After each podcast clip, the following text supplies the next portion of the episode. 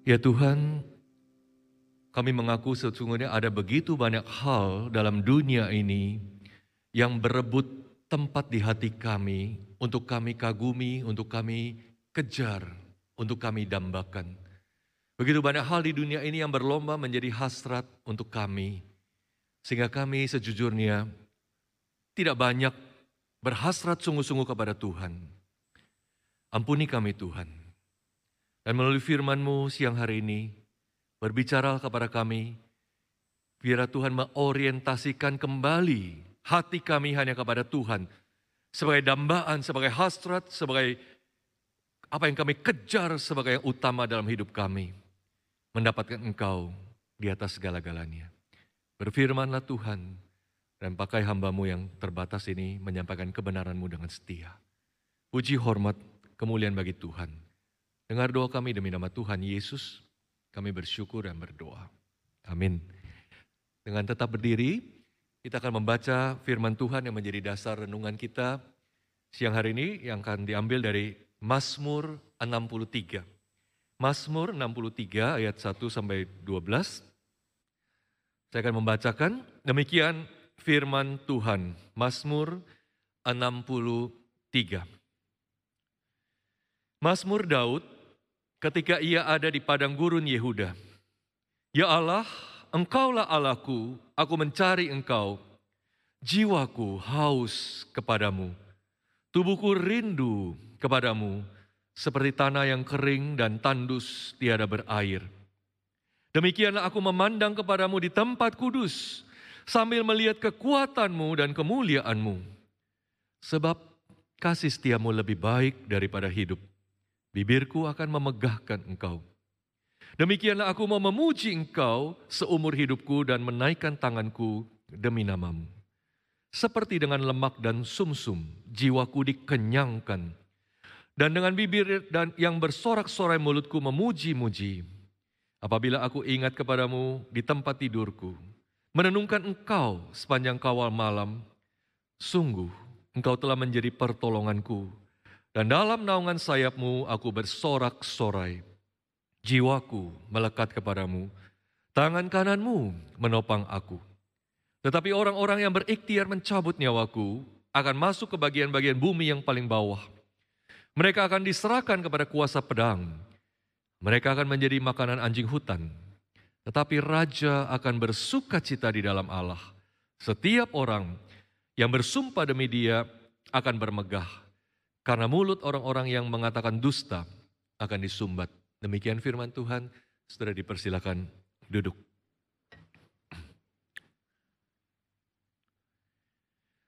Setelah di dalam sebuah kumpulan atau persekutuan Kristen, biasanya kita akan menjumpai tiga tipe orang Kristen, saudara. Tiga tipe orang Kristen. Tipe yang pertama, saudara, adalah orang yang hanya di mulutnya saja mengaku mengikuti Tuhan.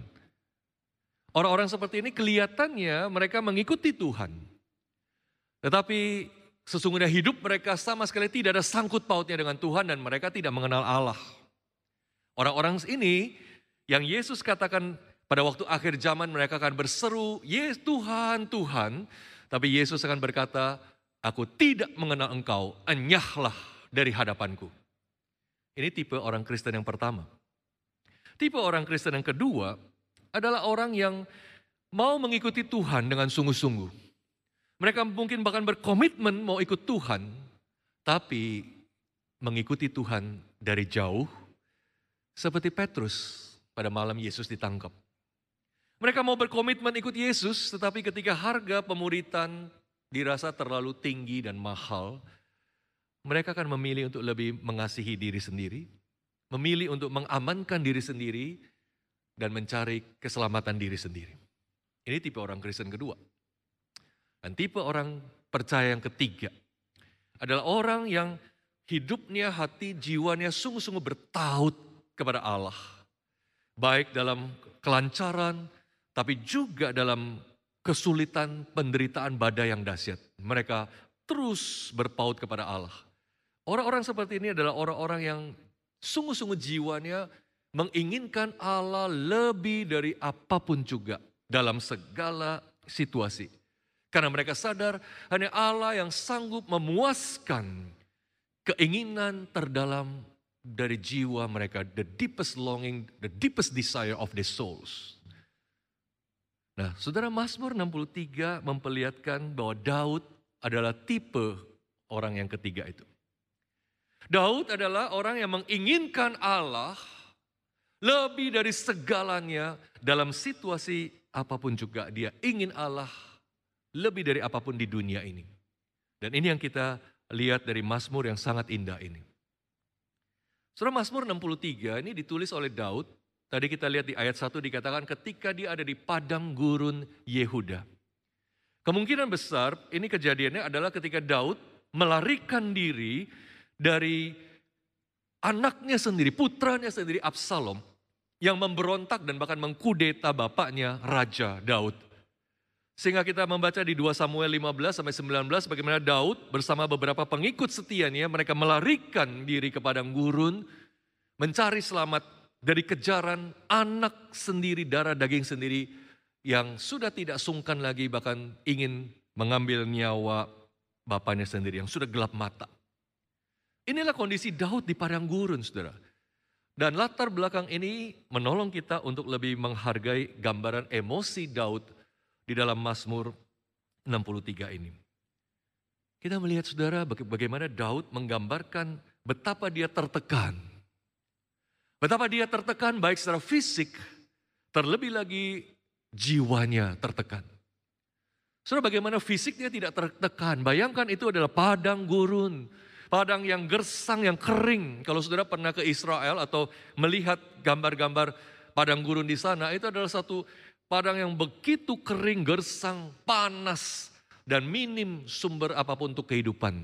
Dan fisik orang tidak akan kuat lama-lama di sana tanpa sumber hidup yang cukup. Fisik Daud begitu lelah dan kurang segala sesuatu. Tapi terlebih lagi lebih tertekan adalah jiwanya, saudara. Bagaimana tidak? Dia dikudeta bukan oleh musuh politiknya, tapi oleh anak darah dagingnya sendiri, orang yang paling dekat dengannya dan orang yang disayangi. Itu yang mengkhianati dia dan memberontak, mengkudeta dia. Maka saudara, kondisi Daud sungguh-sungguh dalam kondisi yang sangat under pressure, tertekan, dilingkupi oleh krisis penderitaan yang dahsyat. Dan sini kita melihat betapa dia katakan jiwaku haus, tubuhku kering, seperti tanah yang merindukan air di padang gurun. Nah saudara, krisis dan penderitaan itu selalu akan menjadi ujian yang sejati untuk iman kita. Manfaatkan itu baik-baik. Sekali lagi, krisis dan penderitaan itu akan selalu menjadi ujian yang sesungguhnya untuk memperlihatkan siapa kita sesungguhnya. Dan semurni apa iman yang kita selalu klaim saya percaya Tuhan. Pada waktu krisis dan penderitaan semua itu diuji. Saudara ujian iman itu bukanlah apakah kita bisa menjabarkan iman kita secara intelektual. Itu itu tidak sulit. Secara sederhana setiap minggu kita ikrarkan dengan pengakuan iman rasuli. Kita bisa menggambarkan Allah seperti apa yang aku percaya. Ujian iman bukan soal bisa nggak kita jabarkan iman saya seperti apa. Tapi ujian iman yang sejati adalah ketika segala situasi hidup berbalik menyerang kita. Apa yang hati kita paling rindukan? Apa yang hati kita paling harapkan dan kita ingin itu di atas segala-galanya. Itu ujian iman yang sejati. Ketika hidup tidak selancar apa yang kita mau. Dan bahkan semua berantakan di luar agenda dan rencana kita. Di situlah periksa hati kita. Apa yang paling saya dambakan dan paling saya rindukan. The deepest desire of our hearts Saudara tentu tidak salah kalau kita ditanya begitu, kita jawab tentu saja dalam krisis, dalam penderitaan, keinginan, dambaan terbesarku, hasratku yang terbesar adalah apa? Bebas dari kesulitan bukan? Enggak salah kalau kita jawab begitu. Atau kita bisa menjawab yang paling aku inginkan dari krisis dan badai dalam hidupku adalah terlepas dari kesusahan ini, terlepas dari sakit penyakit ini. Itu tidak salah. Tapi di sini saudara kita melihat Daud. Dalam keterdesakan dia, dalam beban yang amat berat yang dia sedang alami. Kerinduan terbesar hati dan jiwanya itu bukan bebas dari pemberontakan anaknya. Bukan bebas dari kejaran anaknya yang bahkan mengancam nyawanya dan anak buahnya. Sebaliknya, dalam krisis yang amat besar ini, kerinduan Daud yang terdalam adalah apa? Jaminan kehadiran Allah bersama dengan dia. Luar biasa, suruh. Dan ini bukan satu kerinduan jiwa yang naif, yang terlalu polos kita lihat. Kita bilang, ah ini iman yang polos banget, iman yang naif banget. Bukankah normalnya kalau orang dalam krisis kita tanya apa yang paling kamu inginkan? Jawaban normal apa? Lepas dari krisis ini. Lepas dari masalah ini. Mungkin kalau perlu saya bayar berapa. Asal saya bisa bebas dari masalah ini. Tapi di sini Daud, dia yang paling penting buat dia, aku menginginkan Tuhan. Aku haus, aku rindu kepadamu, lebih dari apa pun juga. Daud berkata, membuka Mazmur ini, Ya Allah, engkaulah Allahku. Aku mencari engkau. Jiwaku haus kepadamu. Tubuh atau dagingku rindu kepadamu seperti tanah yang kering, gersang, yang tidak berair. Betapa urgent membutuhkan untuk mendapatkan Allah seperti tanah mendapatkan air. Saudara saya mau tanya, saudara pernah nggak di sini merasa haus di mulut saudara yang sangat kuat haus begitu hausnya sehingga akhirnya saudara minum air yang bukan air minum. Pernah nggak? Mungkin Jarang ya, tapi saya pernah mengalaminya saudara. Itu kejadian waktu saya masuk fakultas teknik 35 tahun yang lalu. Waktu itu masih diizinkan adanya ospek yang berupa perpeloncoan untuk mahasiswa baru. Ya, setahun setelah saya masuk perpeloncoan dihapus. Ya, sayang saya masuk lebih cepat setahun. Dan saya ingat sekali waktu itu kami mahasiswa baru, laki-laki semua harus dibotakin, dan kemudian tiga hari berturut-turut kami pakai baju dengan jaket karung goni yang sangat tidak nyaman. Dan kemudian kami digojlok, diplonco secara fisik sangat berat, sangat berat, sangat lelah dan jijik. Dan saya lupa hari keberapa saya merasa sangat haus yang luar biasa. Tapi kita nggak boleh minum. Kakak-kakak tingkat galak, kejam, jahat sekali kalau tanda kutip untuk ukuran hari ini. Nggak boleh minum. Terlalu lelah begitu. Dan saya sudah tidak tahan, saya begitu hausnya.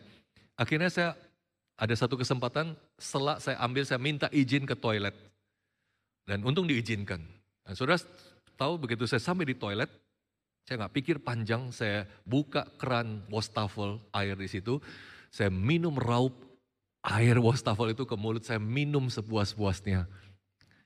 Saya nggak pikir lagi itu air dari tanah atau dari tangki, sekotor apa. Entah sudah berapa lama nggak dicuci tangkinya, karena itu kampus saudara. Dan saya minum dari air keran itu begitu puas, begitu melegakan. Hari itu sudah, saya tidak menginginkan apa pun lebih daripada minum air, karena hausnya tidak tertahankan. Nah seperti itulah saudara Daud menginginkan Allah lebih dari segalanya. Daud bahkan menginginkan Allah lebih daripada dia terlepas dari masalahnya. Dalam krisis, dalam padang gurun itu, dia menginginkan Allah bersama dengan dia. Dia ingin jaminan bahwa Allah tidak meninggalkan dia di dalam keterpurukannya. Dan dia ingin mengalami kehadiran Allah di atas segala galanya. Ya Allah, aku mencari engkau. Jiwaku haus kepadamu. Saudara bagi Daud tidak ada yang lebih penting bahkan keselamatannya sendiri. Kecuali mendapatkan Allah bersama dengan dia dalam krisis itu. Saudara ini yang bisa saya katakan sebagai satu kecanduan kepada Allah. Addicted to God. Ketika engkau menginginkan Allah begitu dahsyat, begitu sangat. Sehingga engkau tidak menginginkan apa pun lebih daripada engkau mendapatkan Allah. Seperti saya di toilet kampus saya waktu itu. Saya nggak peduli lagi. Saya minum air keran wastafel. Dan itu membuat saya puas. Daud mendapatkan Allah seperti itu. Dan inilah ujian yang membedakan sekedar agama, sekedar beragama, atau kerohanian yang sejati. Kerohanian yang sesungguhnya.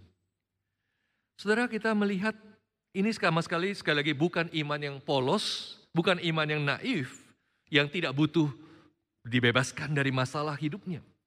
Daud tentu sebenarnya ingin. Tapi kita melihat apa yang di dalam krisis inilah kelihatan true spirituality-nya. Kerohanian yang sejati daripada Daud. Daud tahu bahwa hanya Allah saja yang dapat memuaskan dia dan itu sebabnya dia mencari Allah dan ingin menemukan Allah. Karena Daud sudah mengalami hanya Allah saja yang dapat memuaskan dia. Dan saya percaya saudara inilah isu yang paling penting tentang iman kita saudara.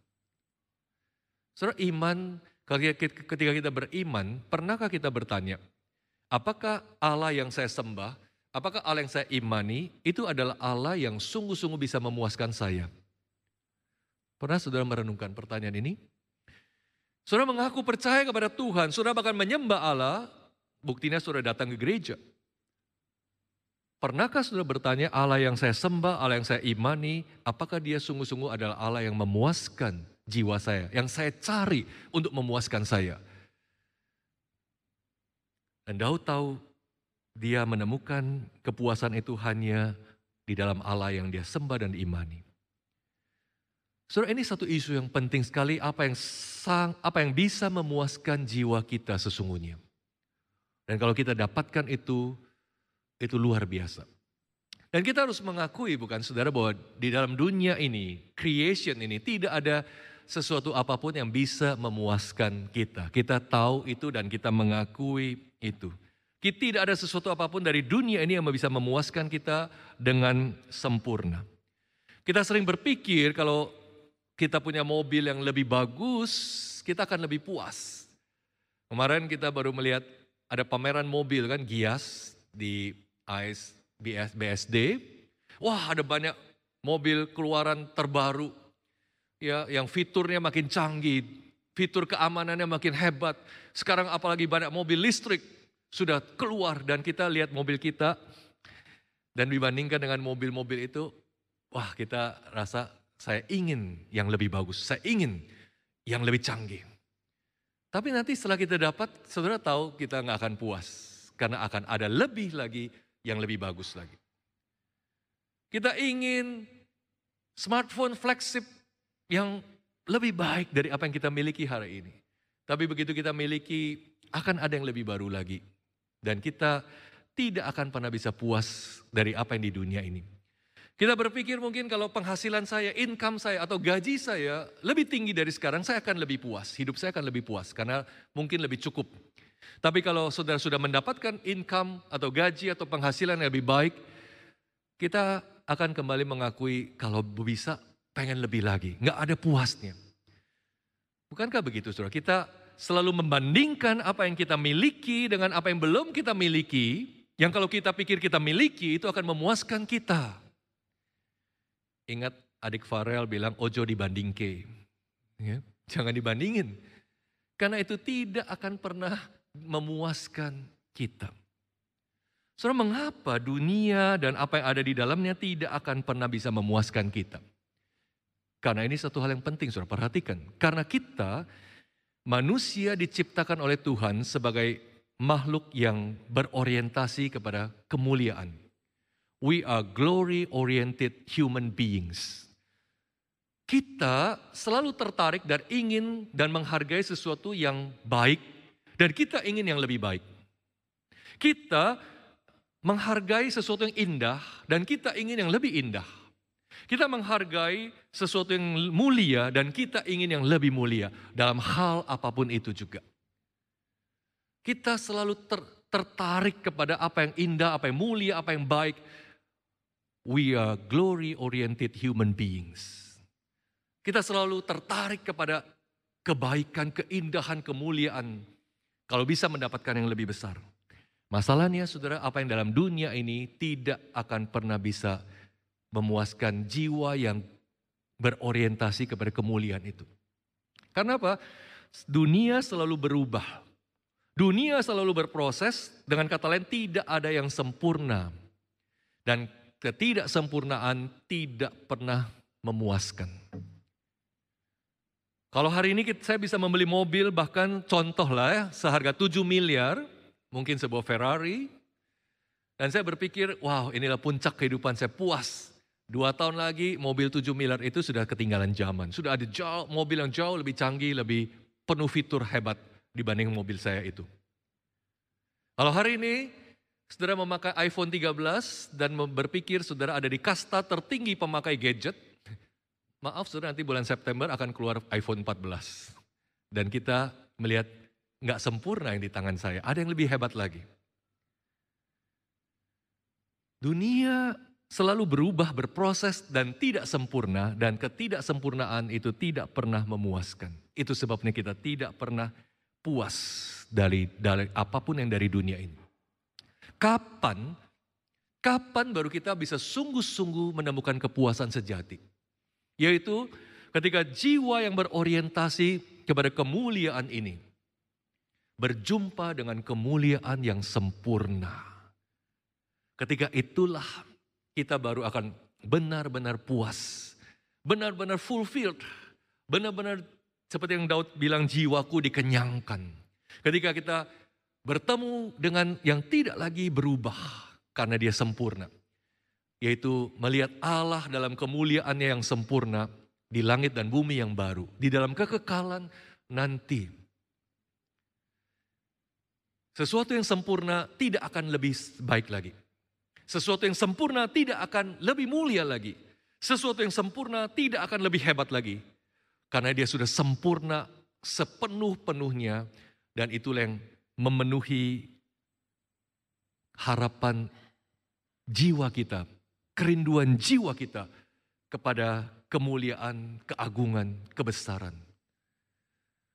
Nah saudara, itu artinya kita tidak akan pernah mengalami kepuasan yang sejati di dunia, kecuali kita mengalami Allah sendiri. Dan itu yang Daud mengerti, saudara. Saudara ada orang yang sering entah bercanda atau sungguh-sungguh mereka bilang, surga, apakah surga itu membosankan ya? Sounds boring katanya. Ah nanti di surga kerjanya apa? Cuma nyanyi-nyanyi tiap hari puji Tuhan apa nggak bosen? Bayangkan itu selama bermiliar-miliar tahun kalau mau hitung pakai tahun dunia ini. Kita terus memuji Allah, menyembah Allah, apa nggak bosen? Saudara di surga tidak ada istilah atau vocabulary bosan, boring. Karena kita menemukan sesuatu yang sempurna yang tidak ada yang lebih lagi dan itu memuaskan kita dan itu membuat kita tidak henti-hentinya akan merespons dengan pujian, dengan penyembahan, dengan kekaguman kepada Allah yang mulia itu. Dan berbahagialah orang-orang yang melihat secercah kemuliaan itu ketika hidup di dunia ini. Dan itu yang Daud mengerti tentang kepuasan dari keagungan dan kemuliaan Allah. Di ayat yang ketiga, Ketika dia sesudah bilang kehausannya kepada Allah, dia bilang, demikianlah aku memandang kepadamu di tempat kudus, aku memandang kekuatanmu dan kemuliaanmu. Kekuatan Allah, kemuliaan Allah itu adalah sesuatu yang sempurna dan itu yang bisa memuaskan Daud. Saudara di situlah Daud menemukan kepuasan yang sejati bahkan di tengah padang gurun yang penuh kekurangan. Di tengah padang gurun yang penuh dengan krisis dan bahaya. Dan Daud menggambarkannya dengan bahasa yang luar biasa. Ayat 6 dia bilang, seperti dengan lemak dan sumsum, -sum, jiwaku dikenyangkan. Surah lemak dan sumsum -sum itu adalah bagian dari binatang kurban, persembahan kurban yang terbaik. Bagian itu yang biasa diberikan kepada imam-imam yang melayani. Itu yang terbaik kalau dinilai dengan uang itu yang termahal dari seekor binatang. Dan Daud bilang seperti dengan lemak dan sumsum -sum, jiwaku dikenyangkan. Dikenyangkan oleh apa? Kekuatan Allah, kemuliaan Allah. Dan ini ada satu gambaran sebuah kepuasan yang utuh. A complete satisfaction. Yang dunia tidak bisa berikan, yang hanya Allah bisa berikan. Maka saudara Daud meskipun dia belum sampai kepada kekekalan, dia belum melihat Allah dalam kemuliaan di surga, tapi Daud sudah mengalami kepuasan seperti ini karena apa? Ada percikan-percikan kekekalan, sparks of eternity yang dimiliki oleh Daud. Dia mengalami Allah dalam skema miniatur karena dia belum sampai ke surga. Ada percikan-percikan kemuliaan yang memuaskan yang sudah dia rasakan sementara dia di padang gurun yang gersang itu. Dan itulah yang saya percaya kita semua butuhkan, sparks of eternity itu untuk memuaskan jiwa kita. Terlalu sering kita begitu sibuk, begitu terdistraksi untuk mencari kemuliaan, keindahan, kelebihan dari dunia ini. Dan kita lupa bahwa kita butuh sesuatu yang dari kekekalan masuk dalam hidup kita sementara kita hidup di dunia ini. Dari mana Daud mendapatkan sparks of eternity itu, percikan-percikan kemuliaan itu? Dari pengenalannya kepada Allahnya, dari firman Tuhan yang dia selalu renungkan, dan dari pengalaman-pengalamannya bersama Tuhan. Sudah lihat, Mazmur ini juga memuat kesaksian Daud tentang pengalaman dia bersama Allah, renungan dia kepada Allah apa yang Allah perbuat. Kalau kita lihat di ayat ke-7 dan 8, apabila aku ingat kepadamu di tempat tidurku, menenungkan engkau sepanjang kawal malam, sesungguhnya engkau telah menjadi pertolonganku. Daud punya banyak pengalaman bersama Tuhan. Itu yang selalu diulang, direnungkan, dipikirkan, dan itu membuat percikan kemuli, kekekalan dalam dirinya bertambah, bertambah, bertambah. Dan itu memuaskan Daud. Maka sayang sekali kalau hidup kita kita habiskan untuk mencari percikan-percikan kesementaraan instead of sparks of eternity. Kita seharusnya mendapatkan apa yang kekal yang masuk ke dalam hidup kita yang dapat memuaskan jiwa kita. Dengan merenungkan apa yang telah Tuhan lakukan bagi kita di dalam Kristus Yesus. Apa yang telah pengalaman kita bersama dengan Allah dan firman Tuhan yang bagi Daud itu sesuatu yang luar biasa. Tidak heran Daud disebut Tuhan sendiri sebagai a man after God's own heart. Seorang yang hatinya seiring dengan hati Tuhan. Kalau saya mencoba menerjemahkan dengan bahasa saya sendiri, hati Daud itu synchronize dengan hati Tuhan. Seperti kalau saya synchronize satu gadget dengan satu gadget yang lain, isinya sama persis. Itulah hati Daud dengan hati Tuhan. Bagaimana tidak dia bisa puas dengan Tuhan. Hati seorang yang sinkronis persis dengan hati Tuhan. Tuhan sendiri yang memberi pengakuan itu tentang Daud. He is a man after God's own heart. Saudara kalau kita tanya bagi Daud, apa sih nilai kepuasan berjumpa dengan Allah, mengenal kemuliaan Allah? Apa nilainya? Bagi Daud jawabannya tak ternilai terlalu ajaib, terlalu indah, dan terlalu luar biasa. Dan jawab, Daud menjawabnya dengan lebih indah dari hidup. Di ayat yang keempat, dia bilang, sebab kasih setiamu lebih baik dari hidup. Itulah nilai berjumpa dengan Allah, menikmati Allah, mendapatkan jaminan kehadiran Allah dalam krisis bagi Daud kasih setia Allah lebih baik dari hidup.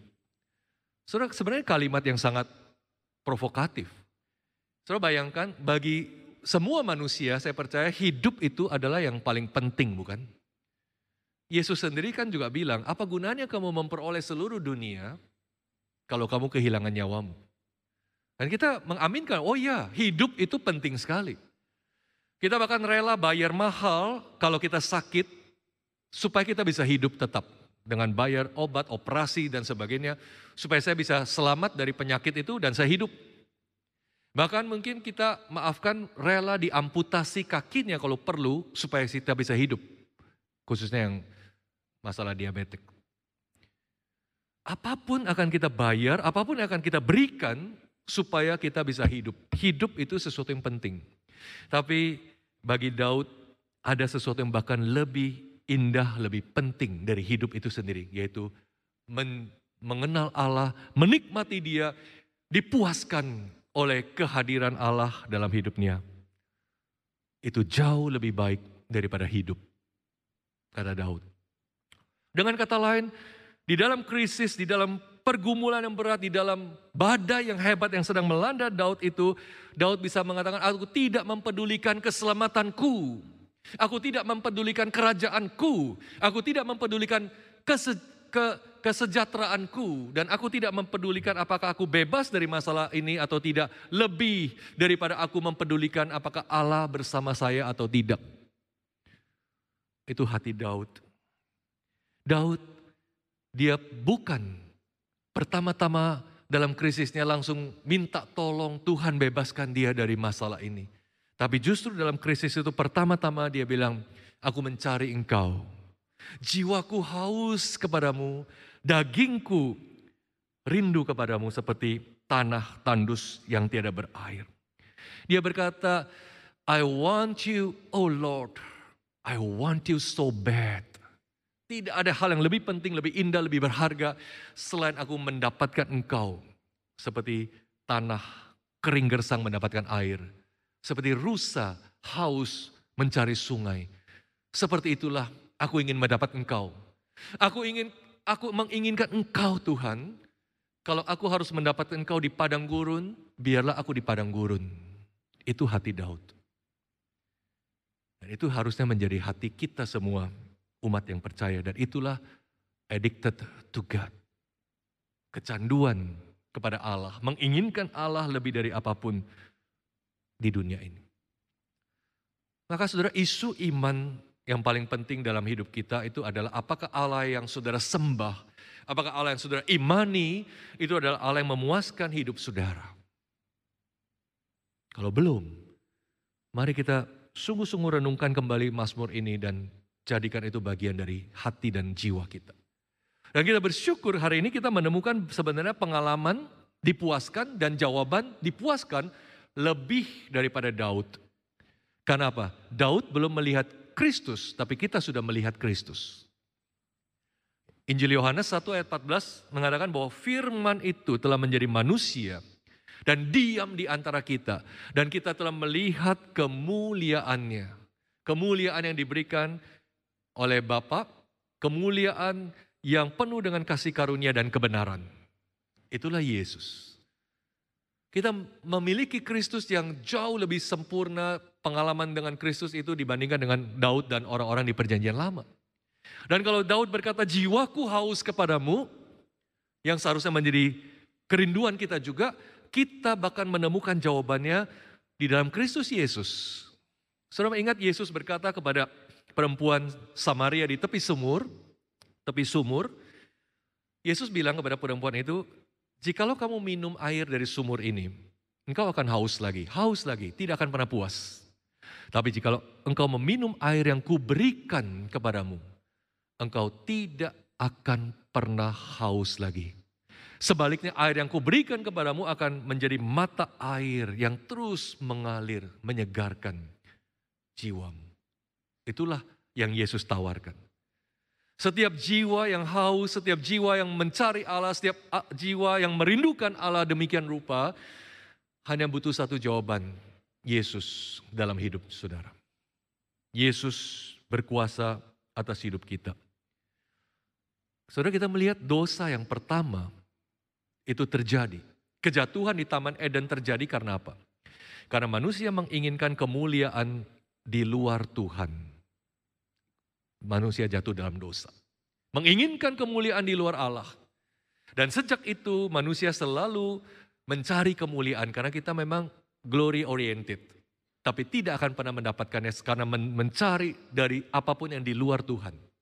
Dan bagaimana masalah dosa uh, bisa diselesaikan. Solusinya adalah mengembalikan jiwa manusia yang haus kepada kemuliaan itu. Berjumpa dengan kemuliaan yang sejati. Dan itu hanya bisa diberikan oleh Tuhan Yesus. Tidak seorang pun yang lain yang bisa memberikan kepada saudara dan saya.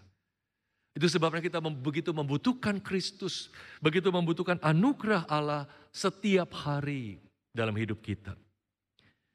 Maka saudara, saya rindu mendorong saudara menjadi satu refleksi pertanyaan pribadi kepada masing-masing saudara dengan jujur. Hari ini saya mengaku percaya Tuhan. Hari ini saya menyembah Allah di dalam Kristus Yesus. Apakah Kristus sungguh-sungguh sudah menjadi pribadi yang memuaskan saya? Kita mungkin butuh lebih banyak membaca Injil. Kita butuh lebih banyak membaca firman Tuhan. Seperti Daud merenungkan perbuatan Allah, pertolongan Allah, dan bagi kita di dalam Kristus Yesus. Dan itu membuat kita semakin memiliki sparks of eternity itu semakin besar dalam hidup kita. Ingat tadi di awal khotbah saya bilang ada tiga tipe orang Kristen. Saudara tipe seperti apa? Yang pertama, yang kedua, atau yang ketiga. Seperti Daud. Yang hatinya kecanduan kepada Allah. Karena dia tahu hanya Allah yang bisa sungguh-sungguh memuaskan dia. Kita mohon Roh Kudus menolong kita semua untuk mengalami kepuasan hanya di dalam Kristus Yesus. Dan sebagai respons kita seperti Daud yang di tengah-tengah padang gurun penderitaan itu, dia bilang ayat 5, Demikianlah aku mau memuji engkau seumur hidupku dan menaikkan tanganku demi namamu. Dia layak dipuji, ditinggikan, disembah. Mari kita berdoa. Tuhan kami bersyukur untuk Kristus yang menjadi jawaban setiap jiwa yang haus dan mencari Tuhan. Tuhan kami tidak bisa menghindari sebagai makhluk hidup manusia yang selalu terorientasi kepada kemuliaan. Namun sering kali kami mencari kemuliaan, kebesaran, keagungan di tempat yang salah, di luar Tuhan. Dan firman-Mu hari ini boleh mengorientasi orientasikan kembali, reorientasi jiwa kami kembali kepada Tuhan.